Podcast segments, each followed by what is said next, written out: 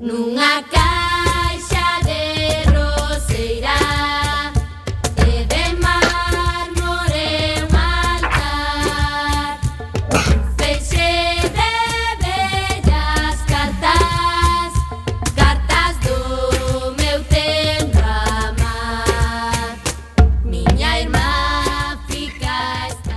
Moi boa tarde, recendeiras e recendeiros.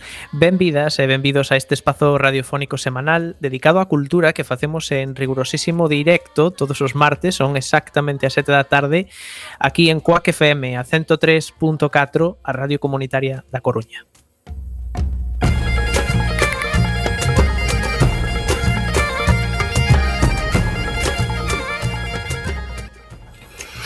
A Agrupación Cultural Alexandre Bóveda presenta este programa que podedes escoitar en directo a través da internet na páxina da emisora coacfm.org barra directo e tamén na aplicación móvil. Se non chegastes a tempo, non tendes excusa. Eh, podedes descargar todos os programas xa emitidos en Radioco, Mega Podcast da nosa emisora ou tamén podedes escoitalo na redifusión que será os mércores ás 8 da mañá, os venres ás 4 da tarde e na madrugada do domingo a luns ás 12 da noite. E a partir de agora, seguídenos nas redes sociais tanto deste programa recendo como da propia agrupación cultural Alexandre Bóveda, que teñen abertas as, as súas canles en Instagram, Twitter e Facebook ou na web 3 www.acalexandrebóveda.gal.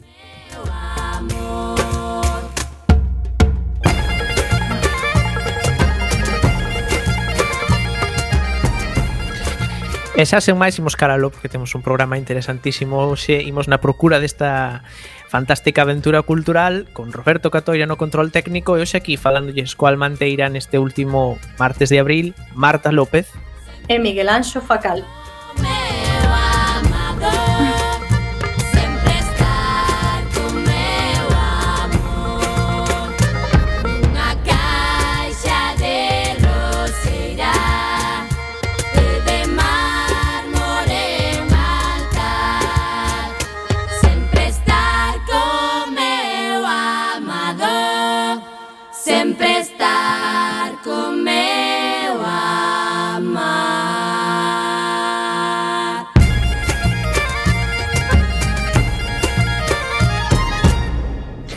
Este é o noso programa número 374. Hoxe estará connosco María Reimóndez, unha das máis destacadas escritoras galegas e tamén activista que puxo en marcha a ONG implicadas no desenvolvemento.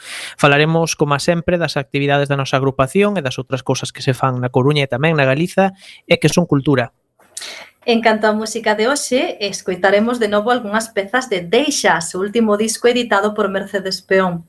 Os fiéis ointes de Recendo lembrarán que xa sou aquí hai un par de meses, pero é que a nosa convidada é a voz e coautora de algunhas das súas pezas. Presentamos a primeira de hoxe, titulada Linguas Elementais, precisamente a canción na que colaborou María. Alle zum Kaufhof, besonders in. Alle Wege zum Kaufhof. Besonders in alle Wege zum Kaufhof. Besonders in man lässt Gebäude und alle Wege zum Kaufhof. Besonders in alle Wege zum Kaufhof. Besonders in besonders im Winter führen alle Wege zum Kauf. Man lässt Gebäude und Se non fose ese trémulo e suplicante reclamo O mol cuadrilátero dunha perplexa competición. Se non fose transacción, mendicidade ou mendacidade Se non fose unha alianza, se non fose un escenario. Se non fose unha adozada contenda de poderes Bisutería, disposición de roles, comportamento e delación. Negocio trans Se non fose un confort todo prezo discutible Inmediatez ou unha postura con máis altas aspiracións. Se non fose unha cousa, se non fose unha carga Acceso directo a información privilexiada. Se non fose o abraio dunha política colonialista Se non fose debilidade, pero sobre todo indelebilidade Eu tamén me deitaría contigo. Man lässt Gebäude unterfallen. sodass man mit dem Neuen spekulieren kann. Mitten im Schutt laufen wir. Und das Meer im Handelsgebäude erinnert uns ungefreit daran, dass es immer noch Sonnenuntergänge gibt, auf denen man die Augen ruhen lassen darf. Man lässt das Gebäude hier nicht einander richten. alle Wege zum Kaufhof. Quero unha lingua que non falase aínda ninguén. Que non poida comunicarse con meros símbolos e sinais. Que flote no líquido te. A dignidade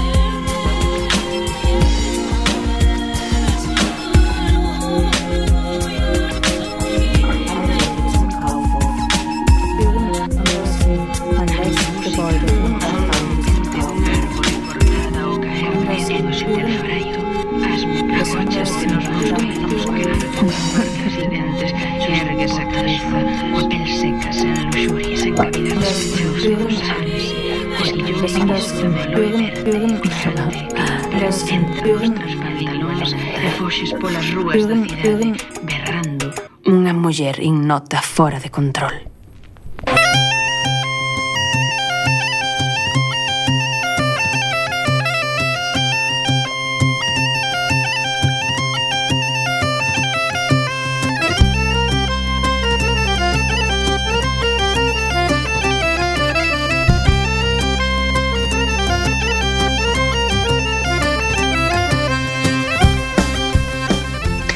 Pois despois desta peza de Mercedes Peón comezamos a xenda a actualidade da nosa agrupación. O xoves 29 teremos a presentación de No interior do abandono de Baldo Ramos e Carlos Lorenzo, un libro que mestura fotografía e poesía para a reflexión sobre un fenómeno que incide nas nosas raíces.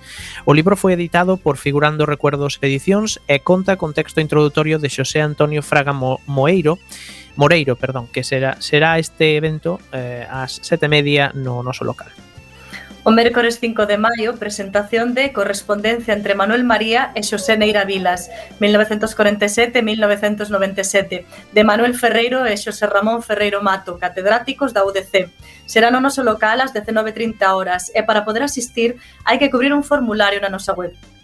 E o xoves 6 de maio realizaremos unha visita guiada á exposición Galiza Mártir da, que, da queda do tempo republicano ao exilio. O guía da visita será Uxío Breogán Dieguez Cequiel director da Cátedra de Memoria Histórica da UDC. Comeza ás 7 horas no segundo andar do espazo normal da UDC e para poder asistir hai que cubrir un formulario que tamén podes atopar na nosa web.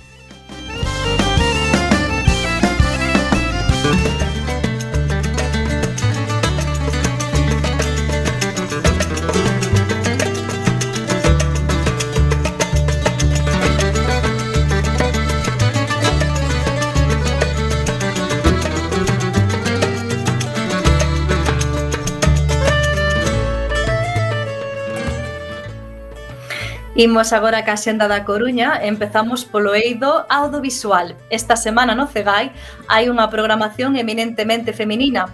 O martes 27 e o venres 30 no ciclo Pioneiras do Cine proxectanse varias das películas que Dorothy Davenport Reid dirixiu hai casi un século, nos tolos anos 20. E o mércores 28 e o xoves 29, no ciclo titulado Desencadres, punto de vista.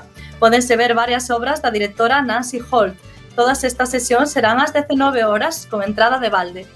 E no Foro Metropolitano proxectan Stefan Zweig, A deusa Europa, un biopic sobre o intelectual austríaco Stefan Zweig.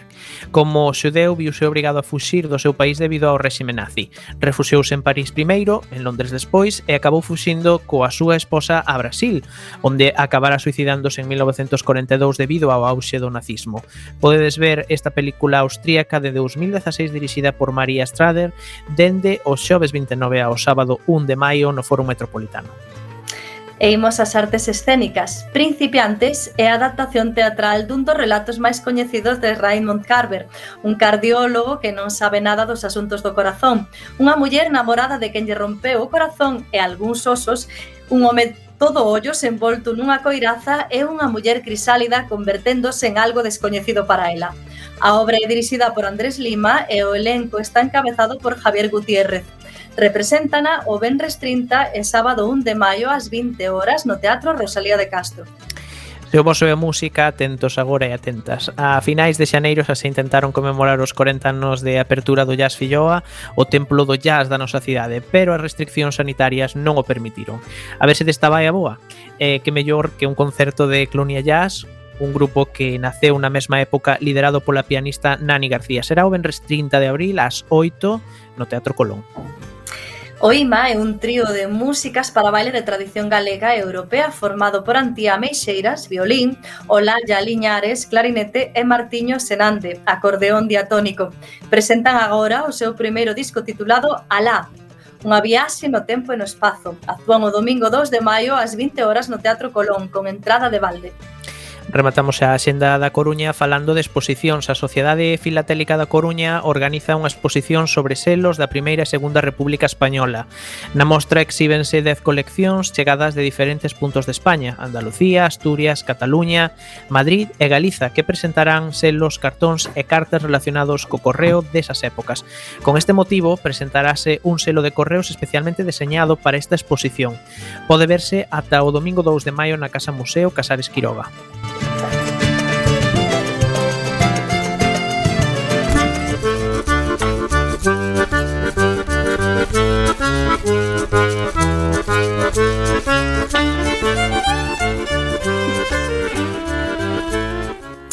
é a quenda agora da Axenda de Galiza. Empezamos por Ferrol. A Sociedade Filarmónica Ferrolana organiza un interesante concerto a cargo da Orquesta Sinfónica de Galicia. Nel interpretaránse pezas de Antón García Abril, Chasson, Ravel e Rinsky-Korsakov. O director será Roberto González Monjas e a estrela será a mezzo-soprano Sophie Koch. Actúan os xoves 29 ás 20 horas no Auditorio de Ferrol. En Lugo, Emigrantas é un espectáculo de danza a cargo da compañía Quirenia Danza que trata sobre a última diáspora galega con perspectiva de xénero. Nesta coproducción co Centro Coreográfico Galego bailan sobre o escenario David Loira e Esther La Torre. Podedes velo o Benres 30 ás 8 e media no Auditorio Municipal Gustavo Freire e pegamos un chimpo a Vigo. O corpo e a terra estreitan os seus lazos nun espectáculo de danza e música que nos transportan á dura beleza dos labores do campo. Pero Leira, a nova proposta de Nova Galega de danza, é tamén a sinxela alegría do traballo feito coas mans, coa valentía do corpo a corpo. Actúan o Benres 30 ás 20 horas no Auditorio Municipal. Imos agora a Pontevedra porque a descoberta da democracia e o desmantelamento do último imperio colonial europeo tras o golpe militar do 25 de abril de 1974 colocaron a Portugal no primeiro plano da actualidade internacional. En 1999 o realizador Sergio Trefot eh, Sergio Trefot, perdón, decide facer unha pesquisa sobre os milleiros de registros fotográficos e fílmicos espallados polo mundo e prácticamente esquecidos en Portugal para compoñer un relato dun dos momentos máis relevantes da historia portuguesa. Esta película proxectarase hoxe martes 27 ás 8 e media no Teatro Principal. E imos a Santiago. 4 é a nova proposta de Caramuxo Teatro para a primeira infancia. É unha peza visual que xoga coa vida, coas formas, os sons e as texturas o movimento. É a experimentación a partir dun número que se repite na nosa vida. Unha experiencia para gozar en familia coa danza como linguaxe, como canle de coñecemento. Actúan este venres 30 no Teatro Principal con sesións ás 17.30 e ás 18.30 horas. Gañadores do sexto concurso da Sociedad de Blues de Barcelona o a banda compostelana Andrea eh, e de Black Cats leva percorrendo Galiza e parte da península dende 2012. Agora presentan a súa nova formación coa incorporación da tuba, dotando os seus directos dun carácter que lembra a Nova Orleans. Podedes velos o Benres 30 ás 7:30 no Liceo de Ourense. E hoxe, como vila convidada, imos a Cambados. Destacamos esta fin de semana a programación cultural desta vila. O sábado 1 ás 20 horas actúa o bailarín Matías da Porta coa súa obra Mocap e o domingo 2 ás 18 horas faino producións teatrais excéntricas coa súa obra infantil Cartoons. As dúas actuacións serán no Auditorio da Xuventude.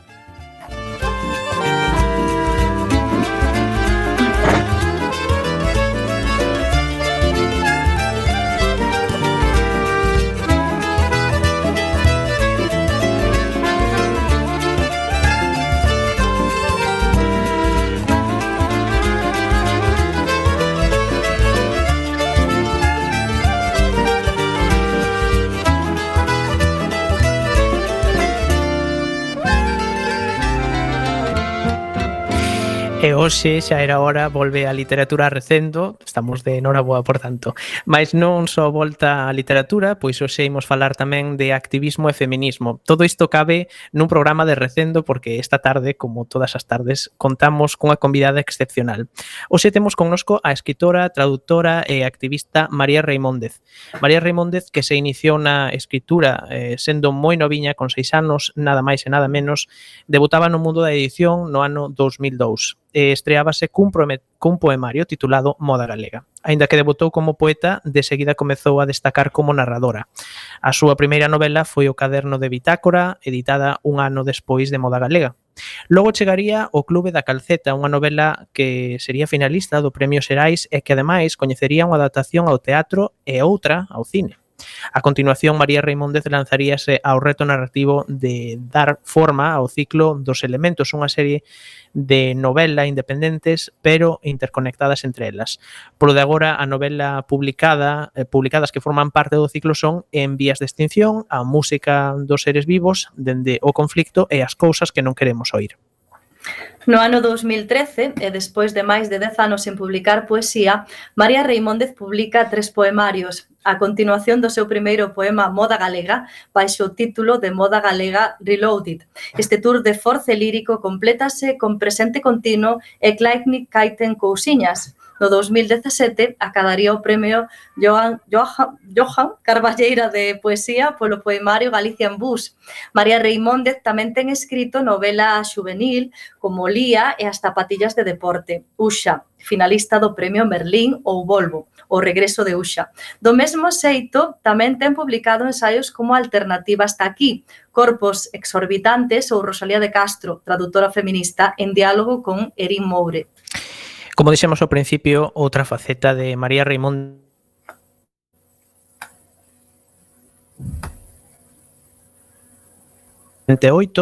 implicadas no desenvolvemento traballa pola igualdade de xénero como piar fundamental para o desenvolvemento humano, sempre tendo en conta que a pobreza é un problema político.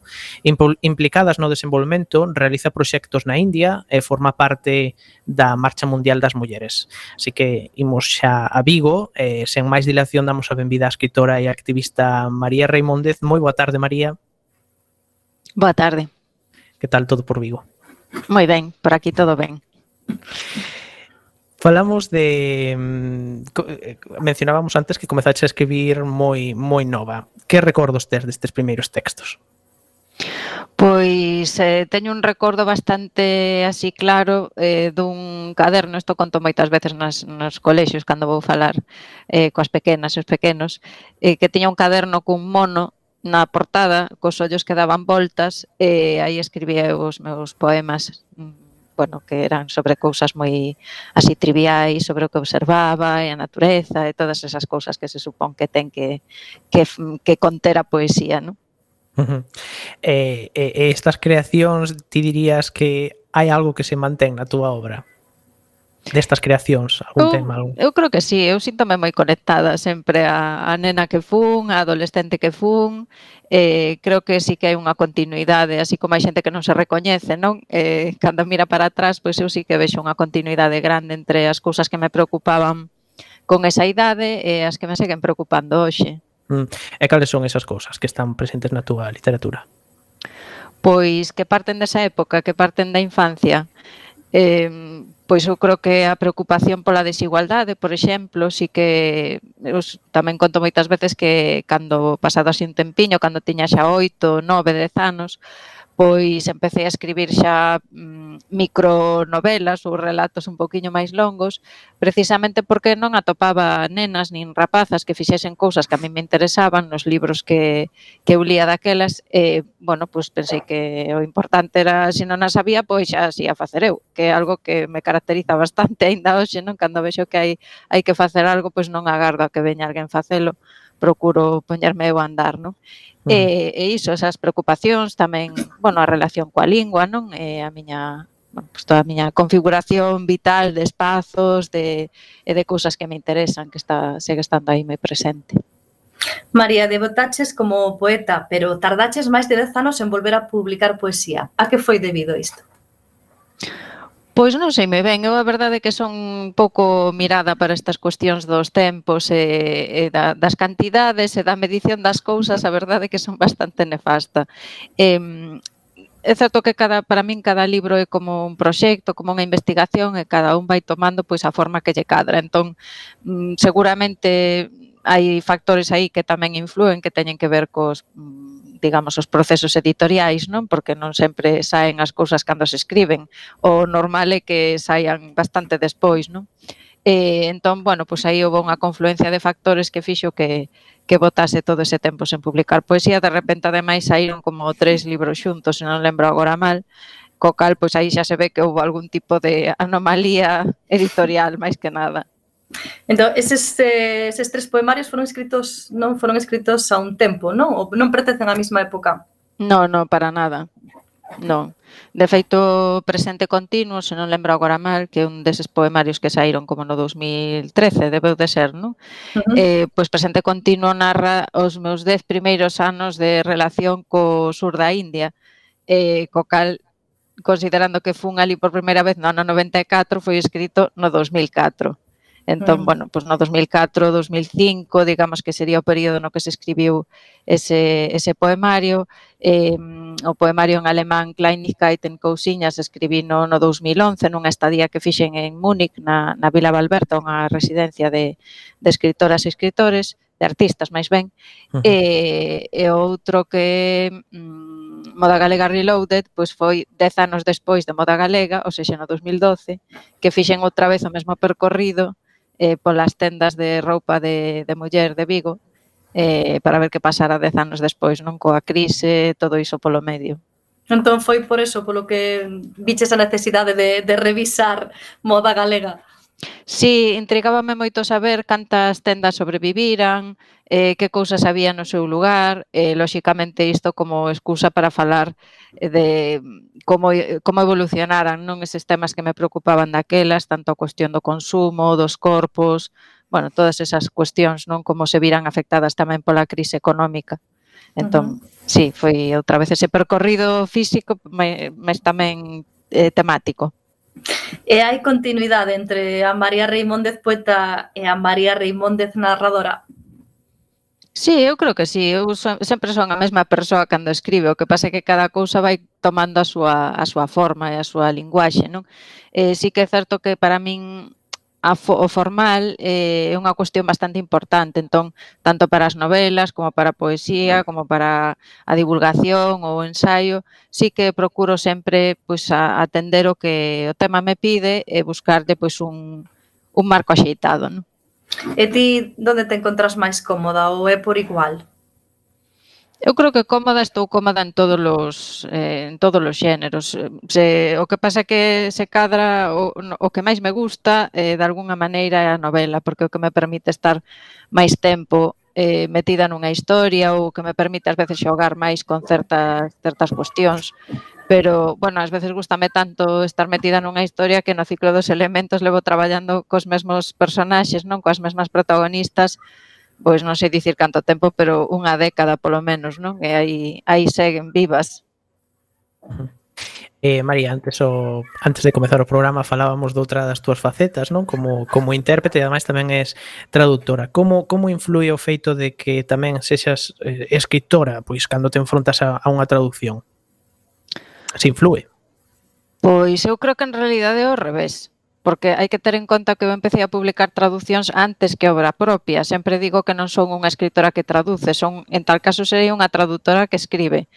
E creo que isto para min é moi importante porque a traducción para min é un espazo profesional e de creatividade eh, que non está supeditado nin é inferior a, a escrita propia, digamos. Non? E sí que é certo que as cousas que traduzo tenden a influir moito mm, no que escribo, Tamén é certo que o meu traballo como intérprete fai que percorra ás veces eh, temáticas un poquiño extrañas que tamén aparecen nos meus textos. Por exemplo, en todo o ciclo dos elementos están presentes os, os cans, non de forma moi sobranceira. O último libro da, da entrega que non mencionaches que as estacións do lobo está protagonizado por unha, por unha adestradora canina eh, todas esas cousas ás veces un pouco estrafalarias realmente acabo coñecendoas moito polo traballo como intérprete. Entón eu creo que a influencia é máis da traducción e da interpretación cara a miña escrita que non ao revés. Uh -huh. eh, cales dirías que son os aspectos máis importantes que, que unha traductora ten que ter presente cando, cando te enfrontas, cando vos enfrontades a un novo texto? Pois eu sempre digo que o máis importante é ser consciente do propio papel É dicir, que papel queremos desempeñar, eh, ser honestas nas nosas lecturas, eh, non actuar con subterfuxos de invisibilidades e cousas desas, senón ser moi claras de, de, de coas lectoras e cos lectores eh, na explicitación de dende onde estamos lendo ese texto, non? Porque os textos ao final son interpretados dende distintas perspectivas. Eu teño claro e explicito que a miña lectura é unha lectura feminista de colonial e iso marca despois todas as escollas que eu vou facer ao longo do, do texto e o que marca pois a, a coherencia que ten que ter unha tradución ao final, non? Pero bueno, mm, para min o máis importante, quitando xa cousas básicas como coñecer os idiomas, bueno, Mm. coñecer o contexto da obra, todas esas cousas que xa caen un pouco de caixón para calquera, pois creo que o máis importante é ser, pois ter esa honestidade tamén, non? De saber dende onde lemos e de, e de explicitalo. Uh -huh. eh, coñecites algunha vez algunha das autoras ou autores aos que tes traducido? Sí, a varias. De feito, Mm, teño a sorte de coñecer a varias das autoras de Tamil Nadu que, que traducín unha para Xerais, a Salma, con esa novela Despois da medianoite, que eu sempre recomendo a súa lectura porque me parece unha obra fantástica xa de, de hai uns aniños, eh, tamén a, a Tamilachi, as autoras que antes escoitábamos as linguas elementais, Sukir Tarrani e outra das autoras tamiles que, que traducín, outra das poetas, con algunhas teño moita relación persoal tamén, moita amizade, Erin Moure é outra das autoras que, que traducín no, desta, noutro continente agora que é canadense eh, coa que tamén me une unha, unha hmm. relación de moita de moita amizade, sí que tiven a sorte de coñecer, eh, sobre todo na poesía, pero non só, a, as autoras dos textos cos que fun traballando. Eh, dirías que difire moito mm, levar a cabo unha traducción cando xa coñeces eh, a autora ou autor? Eu a verdade é que teño unha visión un pouco A ver como explico. Para min, creo que temos un peso, ás veces, un pouco de visión patriarcal das cousas, de pensar que existe algo coñecido como obxectividade. Pasa tamén na crítica literaria, non? Pero digamos mm. que tamén no caso da traducción entra ás veces esta consideración. Como que hai que ter unha distancia para poder eh, ter unha visión sobre algo. E eu creo que se algo nos explican os proxectos creativos feministas, tamén a traducción, é que o que importa é a proximidade, non? a proximidade, eh, digamos, de, de entendemento das cousas, eh, dos contextos, eh, a proximidade emocional moitas veces ou de intereses. Entón, esa proximidade non ten por que darse co coñecemento persoal da, da, da autora, uh -huh. pero sí que é certo que en moitos casos, pois, eh, axuda ou se, lóxicamente, eu cando traducín a Salma, eh, coñezo Mm, físicamente os lugares dos que fala, coñezo as mulleres das que fala, coñezo eses, eses contextos, entón é máis fácil para min lóxicamente entender eh, o, o que ela está narrando, non? Pero bueno, eu creo que ás veces confundimos tamén mm, pois iso, esas cuestións e despois eh, é moi distinto facer unha traducción como unha colaboración entre dúas persoas ou facela de forma independente. Erin Moure é unha traductora prestixiosísima en Canadá, ademais dunha poeta moi recoñecida, eh, pero cando traducín o seu poemario Teatriños foi un traballo independente, dicir, eu non consultei a Erin para eu dar a miña interpretación das cousas, pois sí que lle puiden pasar porque ela ademais fala galego, eh, pois un borrador, eh, pudemos miralo, pero mm, dende o punto de vista, igual que ela me pode pasar a min traduccións que fai, pois agora recentemente de Xelarias o inglés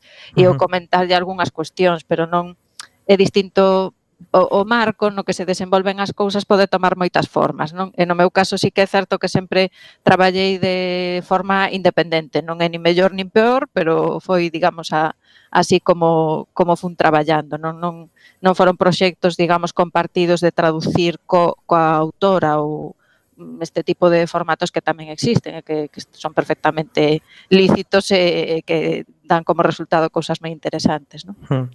Eh, cambiemos agora de bando porque a túa obra tamén foi traducida, non? Como é eh, mm, como é, bueno, pois achegarte ou ler unha obra túa eh, na que, por exemplo, non estiveches implicada na traducción?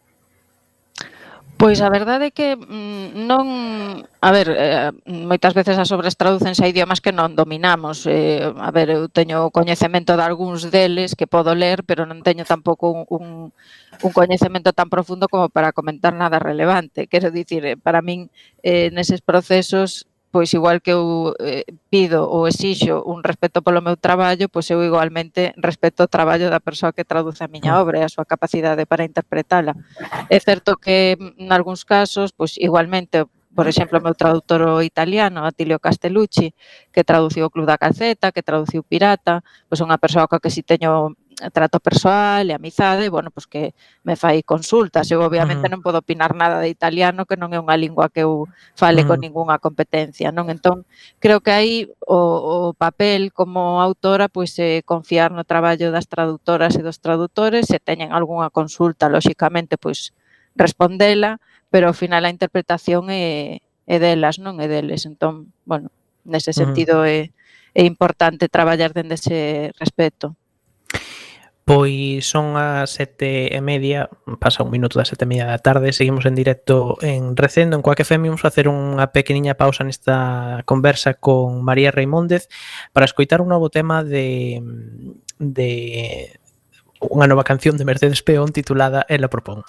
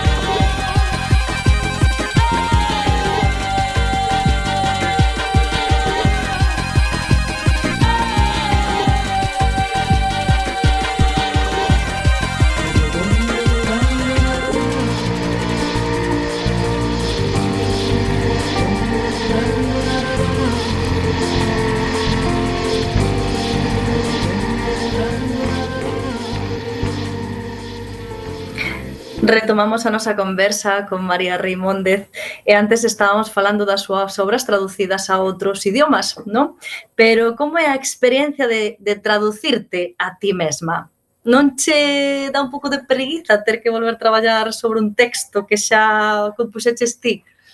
Sí, esa é a palabra, preguiza. A verdade é que é unha cousa que non me estimula moito. Ás veces hai que facela.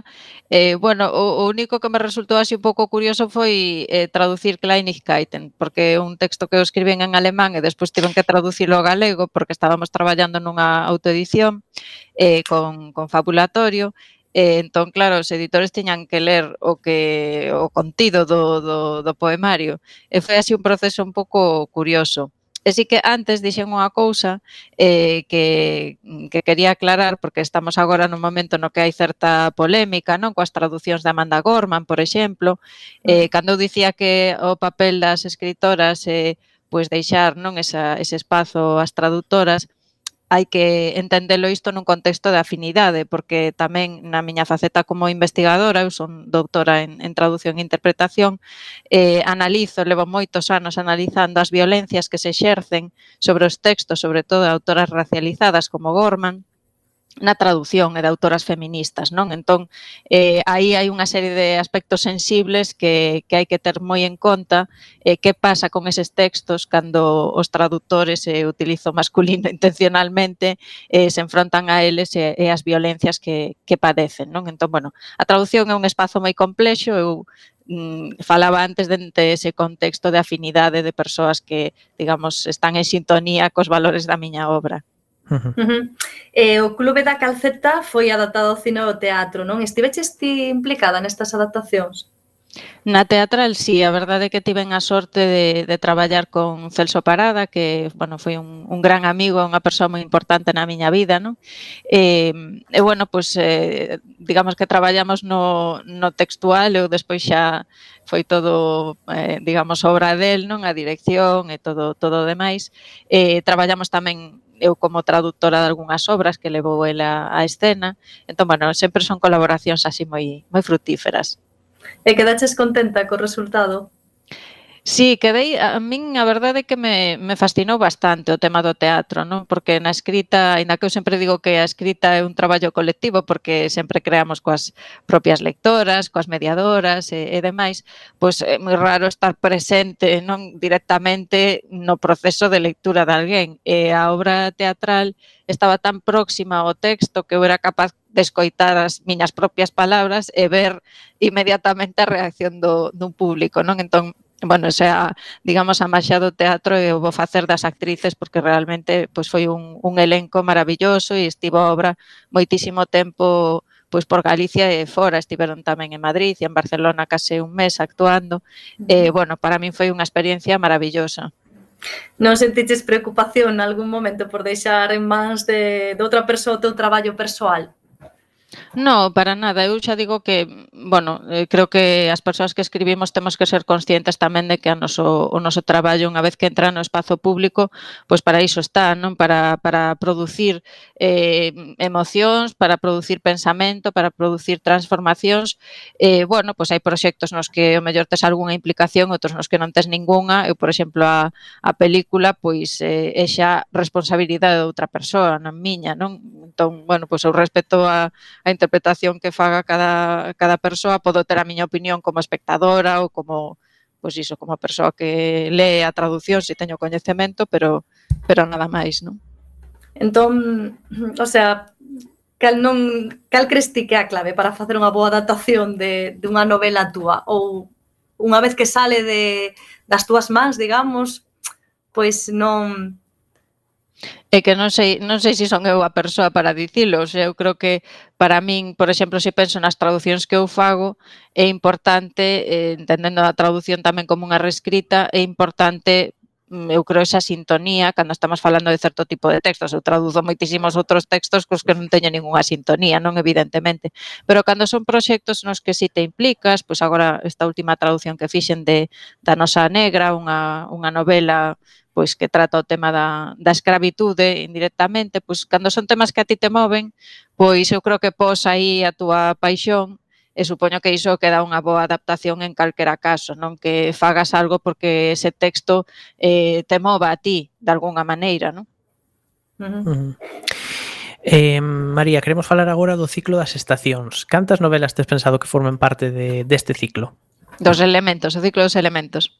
Ai, perdón, sí. Sí, eh, pois en total eh, está previsto que sexan sete, van cinco publicadas. Eu a ver se si resisto porque é un proceso bastante longo. Pero bueno, ainda me quedan folgos para as dúas que quedan. Sí. Mm. Eh, antes de decidir que ia ser un ciclo, eh, tiñas claro a temática e o argumento de cada unha das novelas ou como vas creando este este universo, digamos?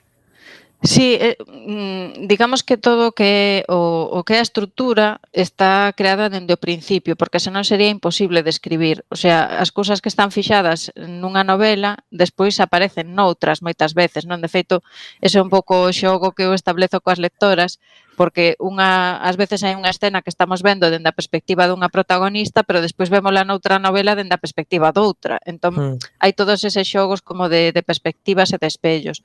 Todo iso, lóxicamente, está determinado dende o primeiro día. O sea, foi un traballo de construción aí dun, dun universo con todos os seus elementos. O que pasa é que despois, cando entro especificamente xa en cada novela, pois eh, aí pasan moitas cousas, non? O que son os detalles de cada protagonista non están explorados dende o principio ata, ata o último, último momento, non?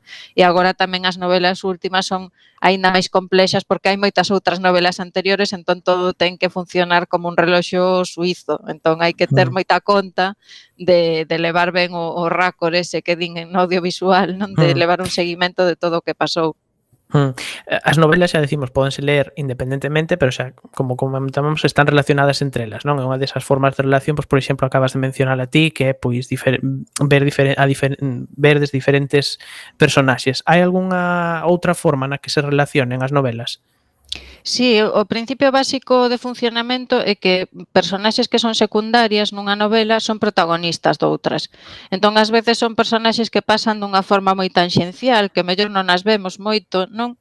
Eh, pero que despois cando lemos a súa novela, digamos, pois temos entendemos moito mellor cales son as súas motivacións ou por que facían certas cousas non? nas novelas das outras das outras protagonistas. E aí tamén a intención eh, ou a relación é que cando lemos as novelas independentemente, ademais podense ler en carquera orde, o sea, hai unha orde de publicación, lóxicamente, pero non hai unha orde, digamos, cronolóxica que haxa que seguir.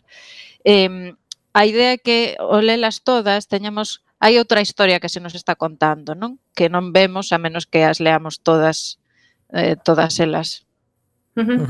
Venimos a cambiar un pouquiño, porque ti tamén, aparte desa faceta de escritora, traductora, tamén tes outra moi importante que é esta ONG, implicadas no desenvolvemento. Dende, como nace? Como nace esta, esta ONG? Contanos.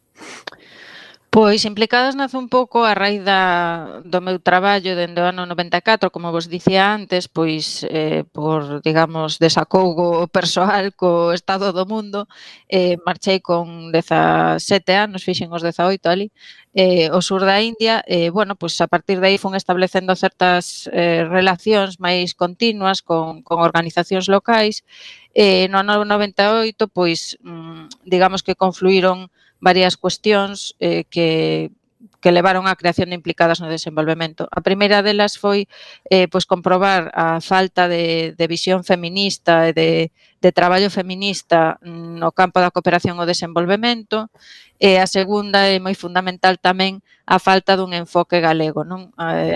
Aquí pois, había moitas organizacións que, que son organizacións estatais e que bueno, teñen as súas diversas sensibilidades e cousas, pero bueno, para, para min e para as persoas que fundamos implicadas era moi importante entender que Galicia é unha entidade política que ten que ter tamén os seus espazos de relación con outros lugares no mundo que non teñen por que estar mediatizados pois polas historias coloniais nin do Estado español, nin do Estado portugués, nin, nin de outras cousas, non? Entón, digamos que así foi como, como naceu implicadas. Eh, tu vestedes claro desde o principio que tiña que ser unha ONG? Sí, tiña que ser unha, unha estrutura, bueno, implicada ser unha asociación, porque non hai outra, outra forma, digamos, legal de, de constituirse. Eh, ONG é unha categoría que se pon, digamos, eh, a maiores, non? Unha organización non gubernamental. Pero, bueno, eh, digamos que nos últimos tempos xa a definición é unha organización de cooperación feminista, non? Porque, digamos que as ONGs de, de cooperación puramente Mm, tampouco representan o que o que pensamos que debe ser implicadas, en que, bueno, eu estou falando agora xa eh, cunha certa distancia, non porque xa hai tempo que en que sigo colaborando e levo pois, todo o traballo de relación coas compañeiras do sur, pois non teño un papel xa activo nin na dirección da, da organización, nin a ningún outro nivel, pero bueno, teño esa, ese percorrido histórico que de, do, do cal falo, non? Uh eh, -huh. E por que, por que a igualdade de xénero ten que ser o pilar para escapar da pobreza? Pois é que xa non é só a igualdade de xénero, creo que hai que entender, hai unha complexidade de relacións mmm, que digamos explican ao final cale, cales son as condicións de vida nas que viven as mulleres do sur, pois eh, hai unha intersección moi grande entre o capitalismo, eh, pois os patriarcados múltiples como interaccionan, eh, a nosa responsabilidade como países do norte xa non só en cousas tangibles como o consumo ou como, bueno, pois outro tipo de relacións o mellor un pouco máis visibles, senón no propio imaginario, non como construímos as nosas outras, de que maneira falamos delas, como informamos, como representamos, todo iso que é moito máis intangible é un traballo que é necesario facer e dende implicadas durante moito tempo traballamos niso, por iso eh, temos tanta colaboración estreita con, con artistas, con activistas, con pensadoras, eh, de multi, dunha multiplicidade de voces non que, que veñen, pois iso, sobre todo de, de Tamil Nadu ou de, de Etiopía, dos países onde traballamos, para, para dar unha visión máis complexa desas eh, imaxes coloniais que aínda repetimos unha e outra vez nas nosas sociedades. E se non empezamos por aí, o resto xa é moi complicado. Bueno, ti dis que agora non tes un papel moi activo non na ONG, pero eh, o nun principio sí, non? Canto tardades en, en ver que o proxecto que deseñades comeza a surtir efecto, non? Que ten os seus, empeza a fructificar. Pois eu creo que non é nunca un proceso lineal. No que son os traballos coas compañeiras do sur, non? o traballo, digamos, máis de, pois de apoiar as mulleres que están en situacións de, de pobreza extrema, aí sí que se ve unha evolución rápida en períodos máis ou menos curtos de tempo cando o traballo se fai ben. Nós temos a sorte de traballar con organizacións de base, con organizacións locais que comparten o mesmo tipo de visión que a nós e que, e que son moi profesionais no que fan, que teñen moi claro eh, pois todos os aspectos fundamentais da participación das mulleres, que elas son o centro e que elas teñen que, que decidir, non? Entón, nese sentido, cando as cousas se fan ben, sí que se ven cambios en períodos breves de tempo. Mm, por poñer un exemplo bastante significativo, un dos proxectos que, que temos e que mantemos na actualidade, eh, que é un proxecto de erradicación do infanticidio feminino, vai, bueno, estamos traballando pois, nun, nun, nun distrito de Tamil Nadu onde se dá esta práctica, e nos catro primeiros bloques, digamos, ou subseccións dese distrito, eh, ao finalizar a primeira fase do proxecto conseguimos acabar con esa práctica non eh, nunha comunidade, o sea, nun grupo de xente casi de medio millón de persoas que é algo que despois, o sea, que conseguimos acabar, conseguiron acabar as propias mulleres, non? A través dun traballo pois moi intenso de, de sensibilización e de traballo de base, bueno, pois unha serie de intervencións. Esa parte, digamos que é máis sinxela de verse. O que é máis complicado de verse son as transformacións que son necesarias nas bases aquí.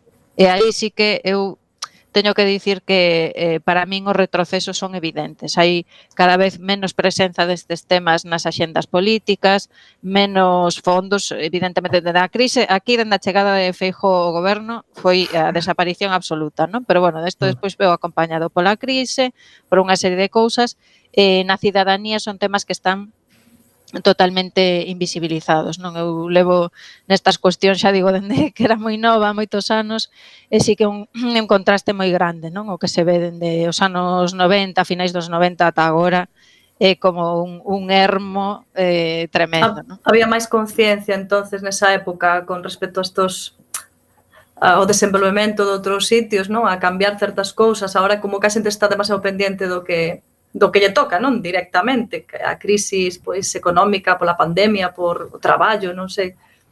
Sí, bueno, iso estivo aí sempre, porque a xente sempre mira para o que ten inmediatamente de diante, non? E despois o resto, pois que saian como poidan. Estamos lo vendo agora no tema da pandemia, estamos aquí coas vacinas, as vacinas, que a maioría dos países do mundo, cento e pico países, están non teñen a vacinación cero. Entón, sí.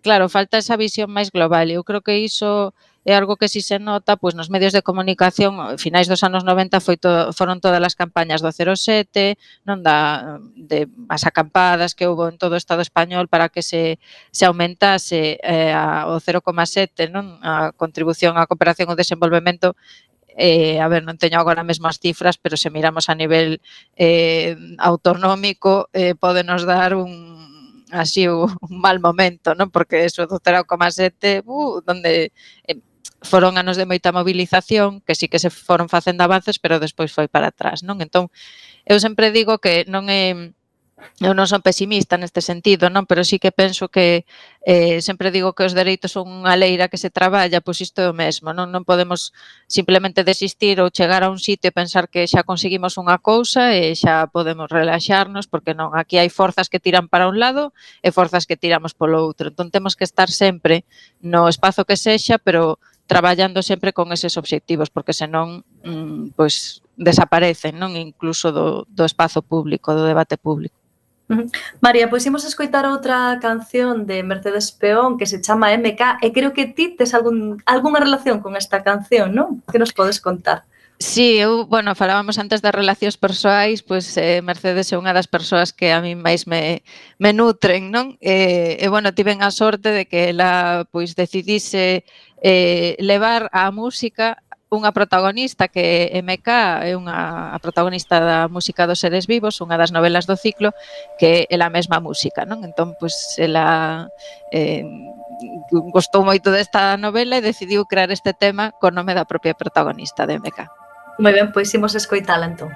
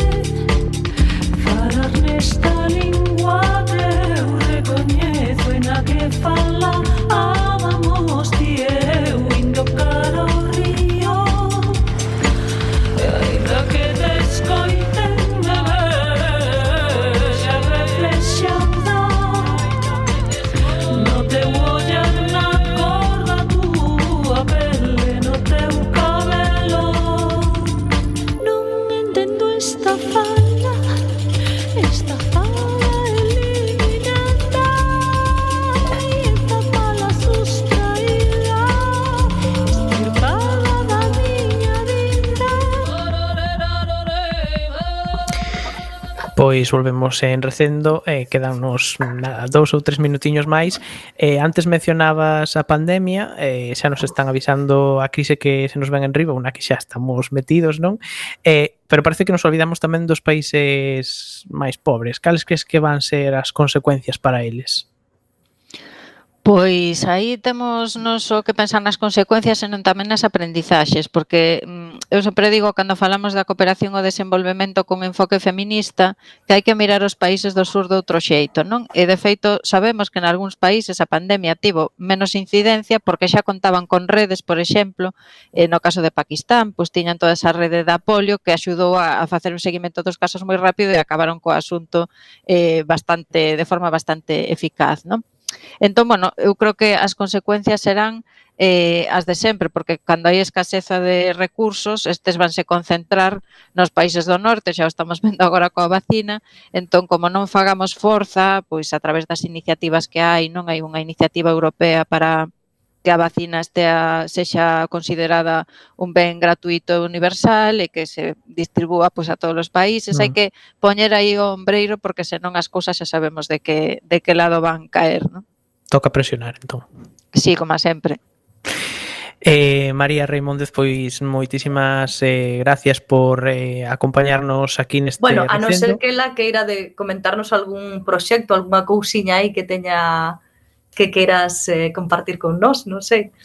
Non, nada, eu estou encantada aquí estas conversas así máis relaxadas, a verdade que se agradecen moito e poder falar pois do que do que a vos vos interese, que ao final mm. é, hmm. o, é o importante, eu xa pois escribo e vou poñendo aí, digamos, eh, falando de escritura, tes algunha novidade, tes algunha novidade que vai a sair próximamente ou estás Pois acaba algo? de sair hai nada, un 10 días creo que foi, eh Bárbaras, que é un un libro de divulgación sobre a menstruación e os corpos, está orientado a adolescencia, mm, mais non só, que uh -huh. pode lelo calquera persoa, menstrue ou non, e bueno, que tamén é un enfoque que ten un enfoque mellor un poquiño diferente do que se lle dá a este tipo de temas. No que tamén se fala moito do sur, dos corpos racializados, bueno, desas desas cuestións que a min me, me preocupan dende os seis anos ata hoxe.